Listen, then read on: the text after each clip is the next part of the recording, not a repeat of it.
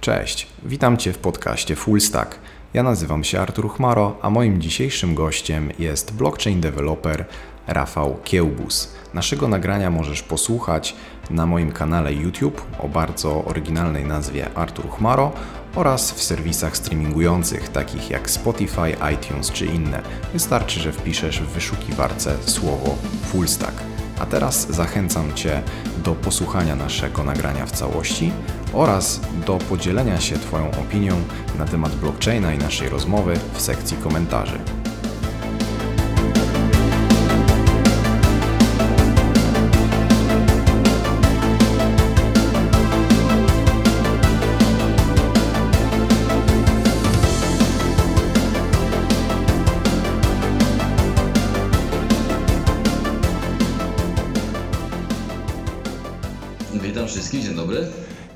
Zanim przejdziemy do takich głównych tematów, jakie chciałbym dzisiaj z Rafałem poruszyć, czyli przede wszystkim co to jest blockchain, czym się zajmują blockchain deweloperzy, jakie języki i technologie cieszą się największą popularnością, e, to myślę, że mm, wypadałoby zrobić drobny wstęp. Więc e, gdybyś mógł pokrótce nam powiedzieć, e, co aktualnie robisz, czym aktualnie się zajmujesz. Aktualnie pracuję w firmie software'owej FPIT Management, gdzie jestem właśnie deweloperem blockchain. Mamy otwarty projekt, w którym no, robimy soft, który jest, no, nie, jest podobny do tego, co jest rozwiązanie w Estonii stosowane. System y, dokumentacji rządowej A, wrzucany w blockchain na zasadzie takiej, że jest możliwość zawsze sprawdzenia, czy dokument, kiedy dokument powstał i czy on faktycznie w tej formie już istniał. Y, Czyli taki typowy timestamping y, dokumentów, który w- no, w Bitcoinie jest od, od dawien dawna, można go właśnie y, do wszelakiej dokumentacji fajnie zas- zastosować. E, Rozumiem. A powiedz mi, e, skąd u Ciebie w ogóle e, wzięło się e, zainteresowanie blockchainem? Czy to było spowodowane właśnie tym projektem, nad którym teraz pracujesz, e, czy to było jeszcze dużo, dużo wcześniej, zanim e, zacząłeś pracować w tej firmie?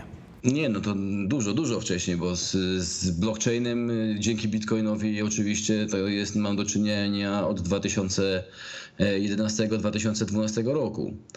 E, Wtedy mniej O, więcej. więc trochę już czasu faktycznie No, minęło. trochę czasu, tak. No, Komputerami zajmowałem się od dziecka, programowałem e, tam z różnymi przerwami w różnych językach trochę, e, a wtedy właśnie Bitcoin mnie zainteresował jako sama idea i sposób realizacji tej idei.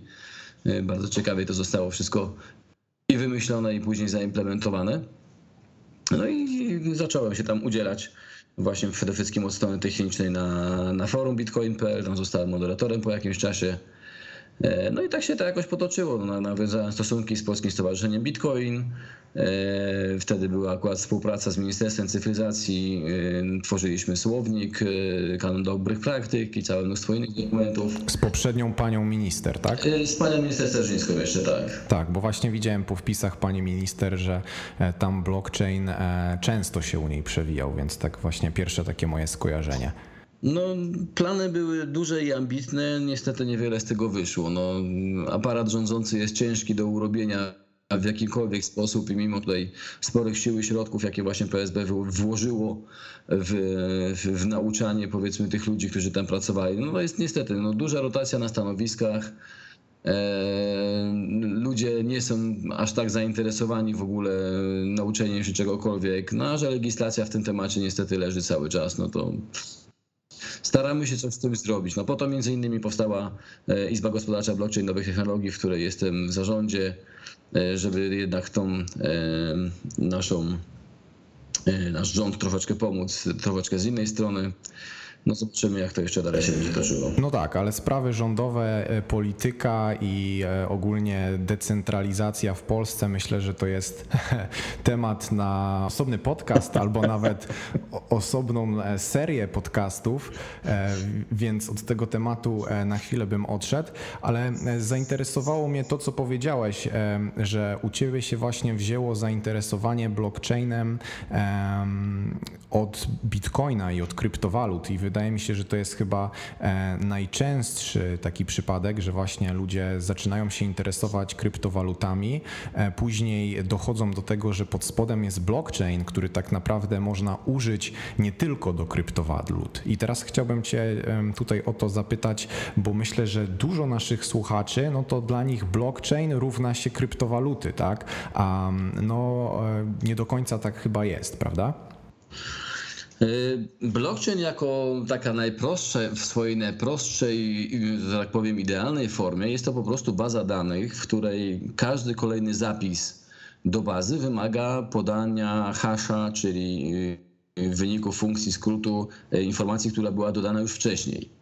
I, I, patrząc na blockchain jako taki w ten sposób, no to mamy bardzo prostą strukturę danych, która ma tą jedną właściwość, że jeżeli jeżeli zmienimy cokolwiek, co było wcześniej zapisane, no to hasze przestają nam się nam zgadzać i jesteśmy w stanie w ten sposób wykryć y, jakąś ingerencję w dane. Y, natomiast y, bardzo szerszym, dużo szerszym podejściem jest właśnie patrzenie na, na blockchain jako już takie zjawisko, które się wywodzi z kryptowalut, czyli w momencie, gdy mamy oprócz tej właśnie struktury danych, gdzie gdzie są kolejne hasze. Mamy jeszcze dorzucone jakieś rozproszenie, mamy dorzucenie jakiś mechanizm konsensusu, który pilnuje, żeby wszystkie kopie były takie same lub też gdyby żeby można było zdecydować, która z tych kopii zapisanych jest, e, jest prawdziwa. E, no mamy gdzieś tam podpisy elektroniczne oprócz samego haszowania, czyli te w kryptowalutach e, każdy użytkownik podpisuje swoim kluczem prywatnym tą transakcję, którą wykonuje, że to jest on. E, no i mamy sytuację jeszcze taką, że każdy może zweryfikować wszystkie informacje, które są na e, blockchainie we własnym zakresie. Nie musi polegać na, na, na kimkolwiek. Jest zbiór zasad, który określa, czy dane mogą być przedstawione w dany sposób, czy nie. I to jest takie bardziej szersze spojrzenie. Natomiast gdybyśmy spojrzeli na sam blockchain jako właśnie ten zapis kolejnych haszy, no to możemy wykopać nawet na Wikipedii, że to już jest 76 rok. E, jest coś takiego jak Cypher e, Mode of Operation, Cypher Blockchaining. Jest to opisane w publikacji z 76 roku.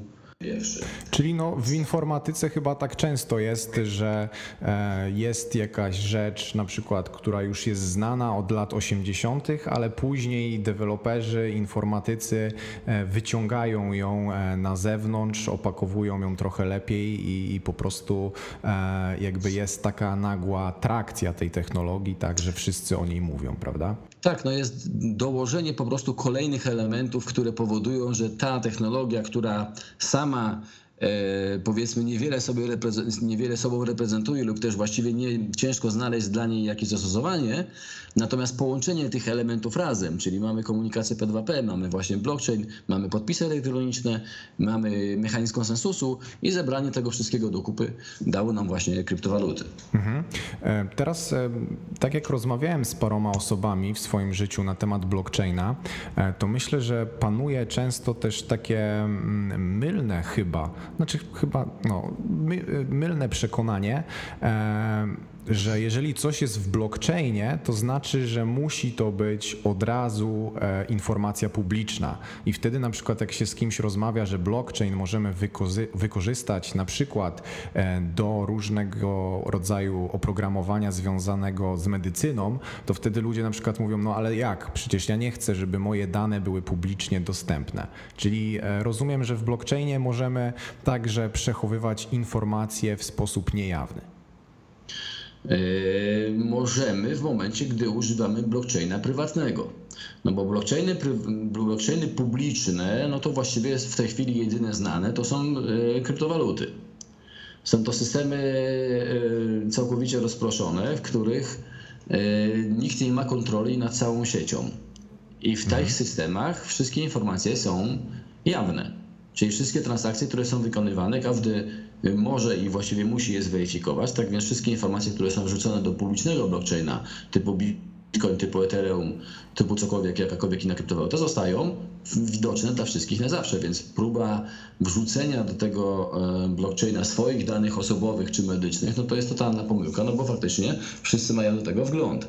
Mhm. Więc jeżeli chcemy tą technologię wykorzystać do przechowywania czy przetwarzania danych yy, bardziej prywatnych, wrażliwe, wraży... o właśnie, do, do, do przetwarzania danych wrażliwych, no to w takiej sytuacji mamy dwie opcje. Albo używamy blockchaina publicznego i szyfrujemy te dane, Mhm, tak, o to albo mi używamy chodziło, że. blockchaina prywatnego. Ale trzeba wziąć pod uwagę następną rzecz. Przechowywanie danych yy, w blockchainach publicznych jest po prostu strasznie drogie. Zwykła transakcja w bitcoinie nam kosztuje na poziomie kilku, kilkunastu centów powiedzmy, ale w którymś momencie ta cena dochodziła do kilkudziesięciu dolarów za jedną transakcję, a w takiej transakcji jesteśmy w stanie zapisać raptem kilkadziesiąt bajtów informacji. Więc gdybyśmy chcieli wrzucić jakiś dokument, my, nie wiem, zdjęcie rentgenowskie, które ma kilka megabajtów na przykład, no to próba za zapisania czegoś takiego, no to by horrendarne pieniądze pochłanała, więc to w ogóle nie ma sensu. Jedyne w, w zastosowanie właśnie do zapisu danych w blockchainach publicznych to jest e, autentykacja innych systemów, czyli mamy blockchain e, prywatny, w którym sobie robimy co chcemy i żeby uwiarygodnić ten blockchain prywatny, hash aktualny naszego blockchaina prywatnego, co pewien czas wrzucamy do blockchaina publicznego. I wtedy można zweryfikować, że nasz blockchain nie został w międzyczasie zmodyfikowany, skasowany, wyzerowany lub cokolwiek, bo mamy gdzieś tam powiedzmy ślady w blockchainie publicznym poza naszą kontrolą, że e, on w takim stanie e, istniał w danym punkcie czasu. Więc mamy publiczne, mamy niepubliczne e, blockchainy. E, Myślę, że może nas słucho, e, słuchać teraz sporo ludzi, którzy na przykład są frontend deweloperami, znają JavaScript, znają na przykład jakieś technologie inne webowe, coś tam napisali, jakiś sobie backend na przykład webowy. No i teraz pytanie, jakie są języki i jakie technologie są obecnie wykorzystywane właśnie do tworzenia mm, oprogramowania w oparciu o blockchain?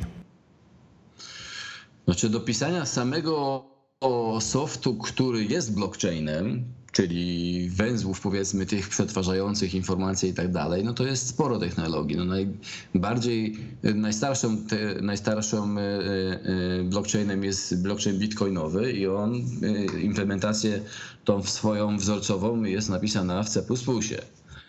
E, Jeżeli weźmiemy Ethereum, no to mamy tam na przykład Go. E, Mamy implementację innych blockchainów, e, nawet był w Pascalu jedna napisana, więc tutaj wybór technologii jest naprawdę dosyć, e, dosyć szeroki. E, Smart kontrakty na Ethereum mamy dla odmiany Solidity, który jest trochę podobny powiedzmy do JavaScriptu. E, Wszystkie DApy, czy, e, czy większość DApów, no to, czyli ten frontend właśnie aplikacji, która gdzieś tam w backendzie ma e, smart kontrakty, no to najczęściej jest JavaScript na takim lub innym frameworku. No to mm, e, mamy portfele, niektóre pisane są w Pythonie, także no naprawdę jest, jest czym wybierać. Każdy coś dla siebie znajdzie. Mhm. Czyli, czyli jeżeli ktoś e, jakby póki co głównie obraca się w, ob, e, w obrębie technologii webowych, e, to jak najbardziej to go nie wyklucza, by móc jakoś znaleźć pracę i być faktycznie efektywnym w tym środowisku Nie, no oczywiście, bo są biblioteki javascriptowe, które najwięcej tego właściwie jest opartego o Ethereum. Czyli mamy bibliotekę, która nam pozwala na interakcję ze smart kontraktami praktycznie w dowolny sposób. Spo- Obsługę portfela całą mamy, więc możemy zrobić aplikację, która będzie portfelem lub też będzie obsługiwała jakiś smart kontrakt. E, Możemy napisać smart kontrakt, powiedzmy, który będzie jakąś grą typu kryptokotki i do tego napisać ładny frontend. E, No kryptokotki tym wygrały, prawda, że miały e, ładną reprezentację danych binarnych, które są na blockchainie. Mhm, tak, tutaj jeżeli ktoś nie słyszał o grze, o której powiedział Rafał, e, pełna nazwa to jest CryptoKitties, pisane przez K. E, możecie sobie sprawdzić, jest to gra oparta o blockchain Ethereum, e, która polega na tym, że tam jest po prostu napisany taki smart contract, czyli tak naprawdę e, taki soft, który mm, no, jest wykonywany na sieci Ethereum e, i tam e, gra polega na tym, że możemy sobie mm, kupować i wymieniać się i jak rozumiem tworzyć też e, nowe e, kotki. A to jak Znaczy, tam wyglądają... jest zaprzęgnięty y, dosyć rozbudowany algorytm generyczny i po prostu możemy te kotki rozmnażać. Czyli każdy, każdy, każdy kotek może być z innym kotkiem skrzyżowany i wynik tego krzyżowania jest no, częściowo losowy. Czyli niektóre cechy są przenoszone, bo mają większą szansę na to, że będą przeniesione. Mogą się też pojawiać mutacje, które po prostu są unikalne i takie kotki miały większą wartość, no bo y, fajną, całą ekonomię dookoła tego zrobili, bo jednocześnie udostępniono też platformę, w której można tymi właśnie kotkami handlować. Oczywiście jak damy kotka do handlu, no to w tym momencie nie możemy go rozmnażać rzecz. Więc tutaj no, bardzo dużo elementów zostało zaprzęgniętych do, kupu, do kupy, żeby to faktycznie funkcjonowało, żeby to ludzi wciągało, mówiąc w skrócie.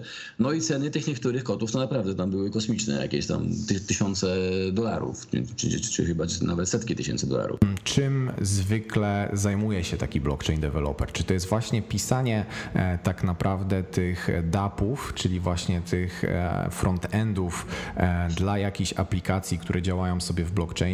Czy jednak częściej jest to praca polegająca właśnie na takim pisaniu jakiegoś blockchaina, czyli tej całej platformy, na której inni mogą pisać frontend od podstaw? Znaczy samo określenie blockchain developer wydaje mi się na chwilę obecną jest dosyć szerokie, tak jak kiedyś było informatyk. Aha.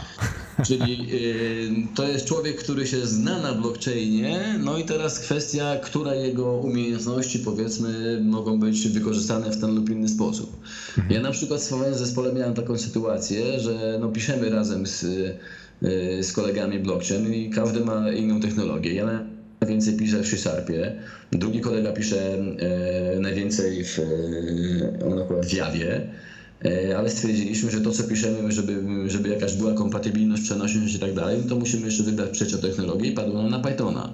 Więc de facto w tym momencie piszemy e, coś, co e, funkcje są realizowane na trzech różnych platformach, w trzech różnych językach, ale na przykład dane pomiędzy nimi muszą być w, jeden, w jednym formacie, tak? Czyli te wszystkie, te wszystkie platformy między sobą się potrafią dogadać, wymienić z danymi przechodzą te same testy, czy generują te same dane gdzieś tam na dysku na przykład. Natomiast sposób realizacji no już jest zależny w tym momencie od języka. No wiadomo, każdy ma swoją specyfikę, każdy ma swoje ograniczenia, każdy ma tam swoje chodzkie klocki. Tu mamy big endiana, tu mamy little endiana i zaczynają się już schody, jak chcemy dane binarne przenosić między dwoma systemami, prawda? Jeżeli ktoś bardzo interesuje się blockchainem, e, ma tam jakieś kryptowaluty, czyta wszystkie jakieś nowinki związane z tego świata i coś tam sobie pracuje w jakiejś firmie, e, gdzie na przykład tworzy właśnie aplikacje webowe, czy po prostu pisze jakieś tam mobilne aplikacje, e, to mm, jaka jest bariera wejścia na ten rynek? Jaka jest wiedza potrzebna i od czego byś radził tutaj na przykład najlepiej zacząć takim osobom, które chcą po prostu wejść w ten temat? Znaczy, to tak jak powiedziałem, temat jest naprawdę bardzo szeroki, bo można podejść od, od samego dołu, czyli faktycznie od pisania blockchaina, czyli zrozumienia protokołu bitcoina, e, czy też zrozumienia procedur wymiany informacji i samego mechanizmu konsensusu. E, można od tej strony, można pójść na dużo wyższą wartość czyli pisanie smart kontraktów, czyli takie programy, które już wykorzystują istniejący blockchain. Można jeszcze dalej, czyli frontend, czyli mamy to, co ludzie widzą, że tak powiem, w co klikają, e, a co komunikuje się gdzieś tam z blockchainem pod spodem. Więc tutaj e, barierą wejścia, wydaje mi się, największą jest samo zrozumienie samej technologii, czyli podstaw jej działania która no strasznie u nas kuleje. No, miałem okazję teraz być na, e, robić wykład na, uniwersytet, na Politechnice Lubelskiej na przykład. E, no to jak próbowałem wysądować wśród tam, nie wiem, chyba setki studentów pytania kontrolne, czy słyszeli o blockchainie, co to jest funkcja haszująca, czy cokolwiek, bo od sali praktycznie zerowy, zerowy odzew, więc to są to rzeczy, o których mm, bardzo niska świadomość na chwilę obecną jest i może ktoś być bardzo dobrym programistą, i, właściwie jedyne, czego mu brakuje, to jest właśnie zrozumienie samej technologii, yy, przejrzenia któregoś kodu otwartego na GitHubie, bo chociaż tego jest od groma, jak to, jak to jest realizowane, jak to działa, jak to funkcjonuje, poukładanie sobie tego jakoś w głowie i faktycznie można, e, e można coś zacząć pisać. Czy no, no, ja zacząłem pisać na własny użytek, tak, to co mi było potrzebne jak, jak był ten boom w 2014 mniej więcej na różne kryptowaluty, na których się tych altów pojawiało całe mnóstwo, ja wtedy się przysiadłem do, do kodu kopalni i po prostu modyfikowałem kod kopalni pod konkretne kryptowaluty i w swoim czasie na tym moim domowym komputerku to tam całkiem sporo moc obliczeniową gromadziłem dzięki temu na przykład. Tak, bo ludzie chcieli wykorzystywać, chcieli kopać powiedzmy, próbować gdzieś tam w przyszłości zarobić jakieś tam mniejsze lub większe pieniądze, ale no nie, nie mieli zdolności e, takich, żeby ten, ten soft u, u siebie uruchomić czy, czy, czy, czy zmodyfikować w taki sposób, żeby móc to robić. Więc tutaj no, ról naprawdę jest dużo. Rynek jest naprawdę wygłodniały, bo pytań o, o, o, blockchain e, jako taki, czy o developer blockchain to się pojawia całe, całe mnóstwo. No ale no mówię, dla programisty powiedzmy takiego, który już faktycznie coś umie pisać w jakimś języku e, e, i, jest w stanie jakiś tam framework sobie przygarnąć, czy przeczytać bibliotekę która właśnie służy do komunikacji z blockchainem, to mi się wydaje, to już jest dobry początek do tego, żeby, e, żeby móc się zahaczyć i, i coś zacząć w tym kierunku robić. Mhm.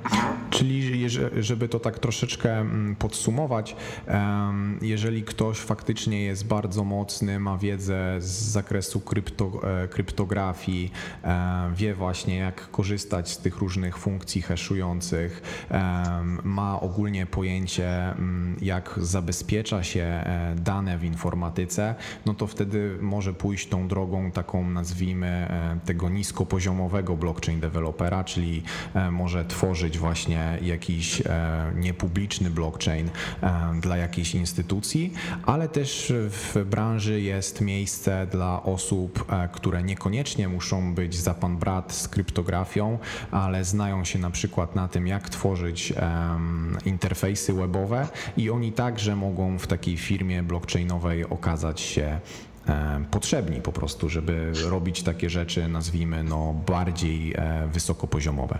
Frontend i UX jest często przez właśnie takich programistów e, twardych, że tak powiem, często pomijany czy, u, czy uważany za pomijalny. Natomiast no jeżeli to się ma sprzedać, mówiąc brzydko, a może ładnie, to po prostu no, musi wyglądać i musi być funkcjonalne. I tu jest jednak e, rola właśnie frontendowców i UX-owców, żeby to, co tam pod spodem działa w sposób niezauważalny dla użytkownika, no, dało się po prostu obsługiwać w, w jakiś sensowny i czytelny sposób. E, to też właśnie widać, nawet jak się pochodzi trochę na hackatony, to przynajmniej jak ja byłem na tych hackatonach, to zwykle jest tak, że jeżeli pytasz się publiczność, kto jest tam na przykład deweloperem, tam backend deweloperem, no to tam podnosi, nie wiem, z 50% ludzi, tak? Kto jest tam e, frontend deweloperem, no to tam podnosi na przykład 40% ludzi, nie?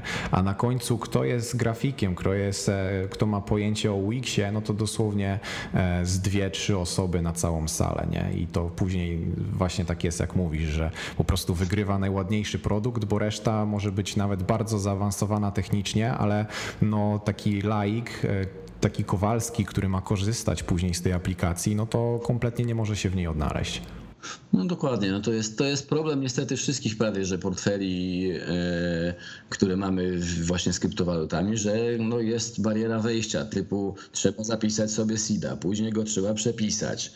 E, później trzeba coś tam zweryfikować, coś tam jeszcze dodatkowo. I są, no, są to rzeczy, człowiek by chciał zainstalować i używać, prawda? Trzeba małymi kroczkami wprowadzać tą technologię. Wiadomo, że obsługa e, walleta typu MetaMask no jest e, dla takiego typowego użytkownika internetu raczej poza zasięgiem, ale też tutaj ja na przykład spoglądam w stronę aplikacji Revolt.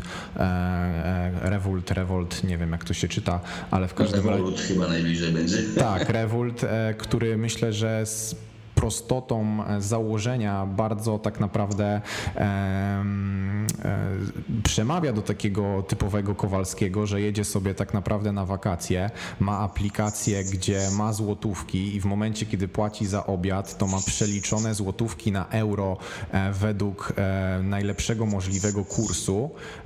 No i do tego rewulta właśnie lada moment mają dojść kryptowaluty. Oczywiście też domyślam się, że będą one w takiej uproszczonej formie, że to jest po prostu portmonetka a nie, że trzeba zarządzać własnymi prywatnymi kluczami, ale no nie od razu Rzym zbudowano, prawda? Znaczy to w tej chwili już funkcjonuje. Trzeba tam albo sobie wykupić konto premium, e, albo zaprosić znajomych i wtedy ten dostęp do tego systemu ich niego kryptowalut jest otwarty. Natomiast tam mm, ten ich, to co oni zrobili jest nawet gorsze niż portponetka bo właściwie nie masz możliwości płacenia tymi kryptowalutami w ogóle nigdzie, czyli nie możesz ich wypłacić na normalny portfel. Czyli jak kupisz sobie powiedzmy bitcoina na rewolucie, no to masz go tylko na rewolucie i możesz go, jedynie co z nim możesz zrobić, to go możesz z powrotem sprzedać za marki dolary funty. Yy, czy co tam sobie wybierzesz. Okej, okay, rozumiem, ale mimo wszystko taka ciekawostka, że właśnie już do takich mainstreamowych, nazwijmy to aplikacji, e, te e, kryptowaluty powoli wchodzą. Myślę, że jest to jakby dobre rokowanie na przyszłość, przede wszystkim, żeby ludzie e, zaczęli się interesować, co to właśnie jest prywatny klucz, co to jest Bitcoin, jak on działa, bo myślę, że jakby jest to ciekawe i, i, daje to też fajną alternatywę do tego e, naszego monetarnego, e, tradycyjnego systemu. E, chciałem jeszcze Ciebie zapytać, jak wygląda ogólnie mm, kwestia pracy w Polsce, jeżeli chodzi o blockchain? Czy, czy mamy dużo takich ofert, czy jednak jeżeli ktoś chce faktycznie przebierać w tych ofertach, to musi zdecydować się na pracę zdalną albo wyjazd z naszego pięknego kraju?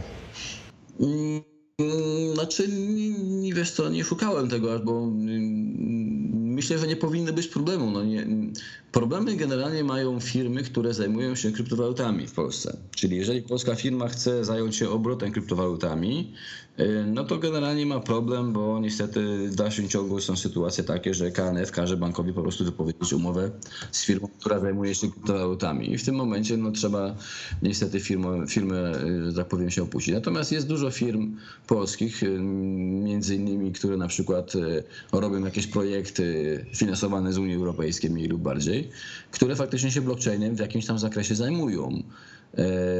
Są próby no, w energetyce, e, ogarnięcia tych właśnie samochodów elektrycznych, rozliczenia na przykład, czy rozliczenia jako prosumentów, czyli ci, którzy mają e, fotowoltaikę, czy tam swoje wiatraki i chcą tą kasę jakoś tam inaczej rozliczać. Jest kilka takich projektów, które po prostu chce chce coś z tym zrobić i tu faktycznie tam praca takich programistów na pewno, na pewno się przyda. No i oczywiście wszystkie firmy tam powiedzmy e, zagraniczne, ale przez Polaków prowadzone właśnie, które nam robią jakieś ICO i okolice, e, którzy też tam próbują stworzyć, zebrać kasę na, jakiej, na stworzenie jakiegoś projektu, który też gdzieś tam blockchaina w takim lub innym zakresie będzie, e, będzie używał w swoim działaniu.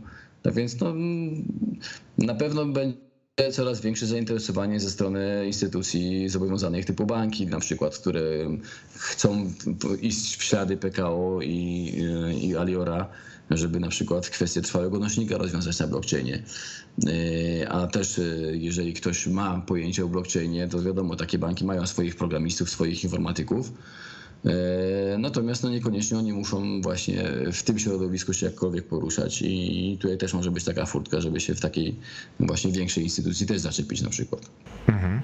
Zachęcamy do tego wszystkich naszych słuchaczy, którzy myślą o wejściu w branżę blockchain. E, myślę, że jest to e, bardzo ciekawy rynek, ponieważ no jednak blockchain to jest trochę tak jak internet, nie wiem, w 97 roku, tak, że niby coś można zrobić, ale no te możliwości na przykład za 5 lat podejrzewam, no już będą całkiem inne e, niż są obecnie, tak? Bo tak tam się wszystko dynamicznie zmienia, powstają nowe protokoły, nowe technologie, e, nowe mm, jakby podejście do, do ustalania konsensusu w sieciach blockchainowych, więc wydaje mi się, że jest to na pewno ciekawa praca, ponieważ można faktycznie e, na wiele jakby rzeczy mieć faktyczny wpływ. To nie jest tak, że tutaj już wszystko jest tak naprawdę ustalone i reguły gry są ustalone. Znaczy, sama zasada działania się raczej nie zmieni, natomiast faktycznie sposób wykorzystania e, samej technologii no, ewoluuje cały czas. Tak? Na początku mieliśmy bitcoina, smart kontrakty doszły na Ethereum, e, później się nagle pojawiły prywatne blockchainy e, typu Hyperledger Fabric, które też, też mają blockchain pod spodem, a działają na zupełnie innej zasadzie niż, niż kryptowaluty na przykład, więc to, to się cały czas rozwija. Mm, natomiast e, blockchain troszeczkę postawił mm, e, na głowie podejście do niektórych tematów, bo zwykle mamy jakiś problem do rozwiązania i szukamy jak go, jak go rozwiązać, tak? czego użyć, żeby się tego problemu pozbyć. W przypadku blockchaina mamy sytuację troszeczkę odwrotną, bo mamy blockchain i ten blockchain szuka problemów do rozwiązania. Więc... No właśnie. Niestety tak, no jak pracowałem w, w akceleratorze y, u profesora Piecha, no to mieliśmy nabór projektów do akceleracji. Niestety dokładnie taka sytuacja była, że w, w kilku miejscach sam projekt czy sama idea, powiedzmy, która chciała być realizowana, miała jak największy sens i faktycznie to mogło jakieś pieniądze przynieść. Natomiast no, był tam jeszcze dorzucony blockchain, gdzie właściwie nasuwała się pytanie po prezentacji, właściwie po co ten blockchain tutaj jest używany, skoro on tu w ogóle nie jest potrzebny. Tak, żeby zrobić ICO pewnie była E, odpowiedź. Znaczy, no, no tak, tam akurat chodziło o akcelerację, więc to troszeczkę inna ścieżka, ale, ale dokładnie chodziło o to, żeby zebrać kasę po prostu dlatego, bo tam jest blockchain. No więc no, jest to też jedno ze zastosowań, zastosowań blockchaina, e, zebranie kasy, tak. E, Na koniec już naszej rozmowy chciałbym Ciebie e, zapytać na przykład, jaki jest projekt związany z blockchainem, któremu obecnie kibicujesz, który obserwujesz, który po prostu jak o nim mówisz, to masz uśmiech na ustach. Znaczy projekt związany z blockchainem, wiesz, ja...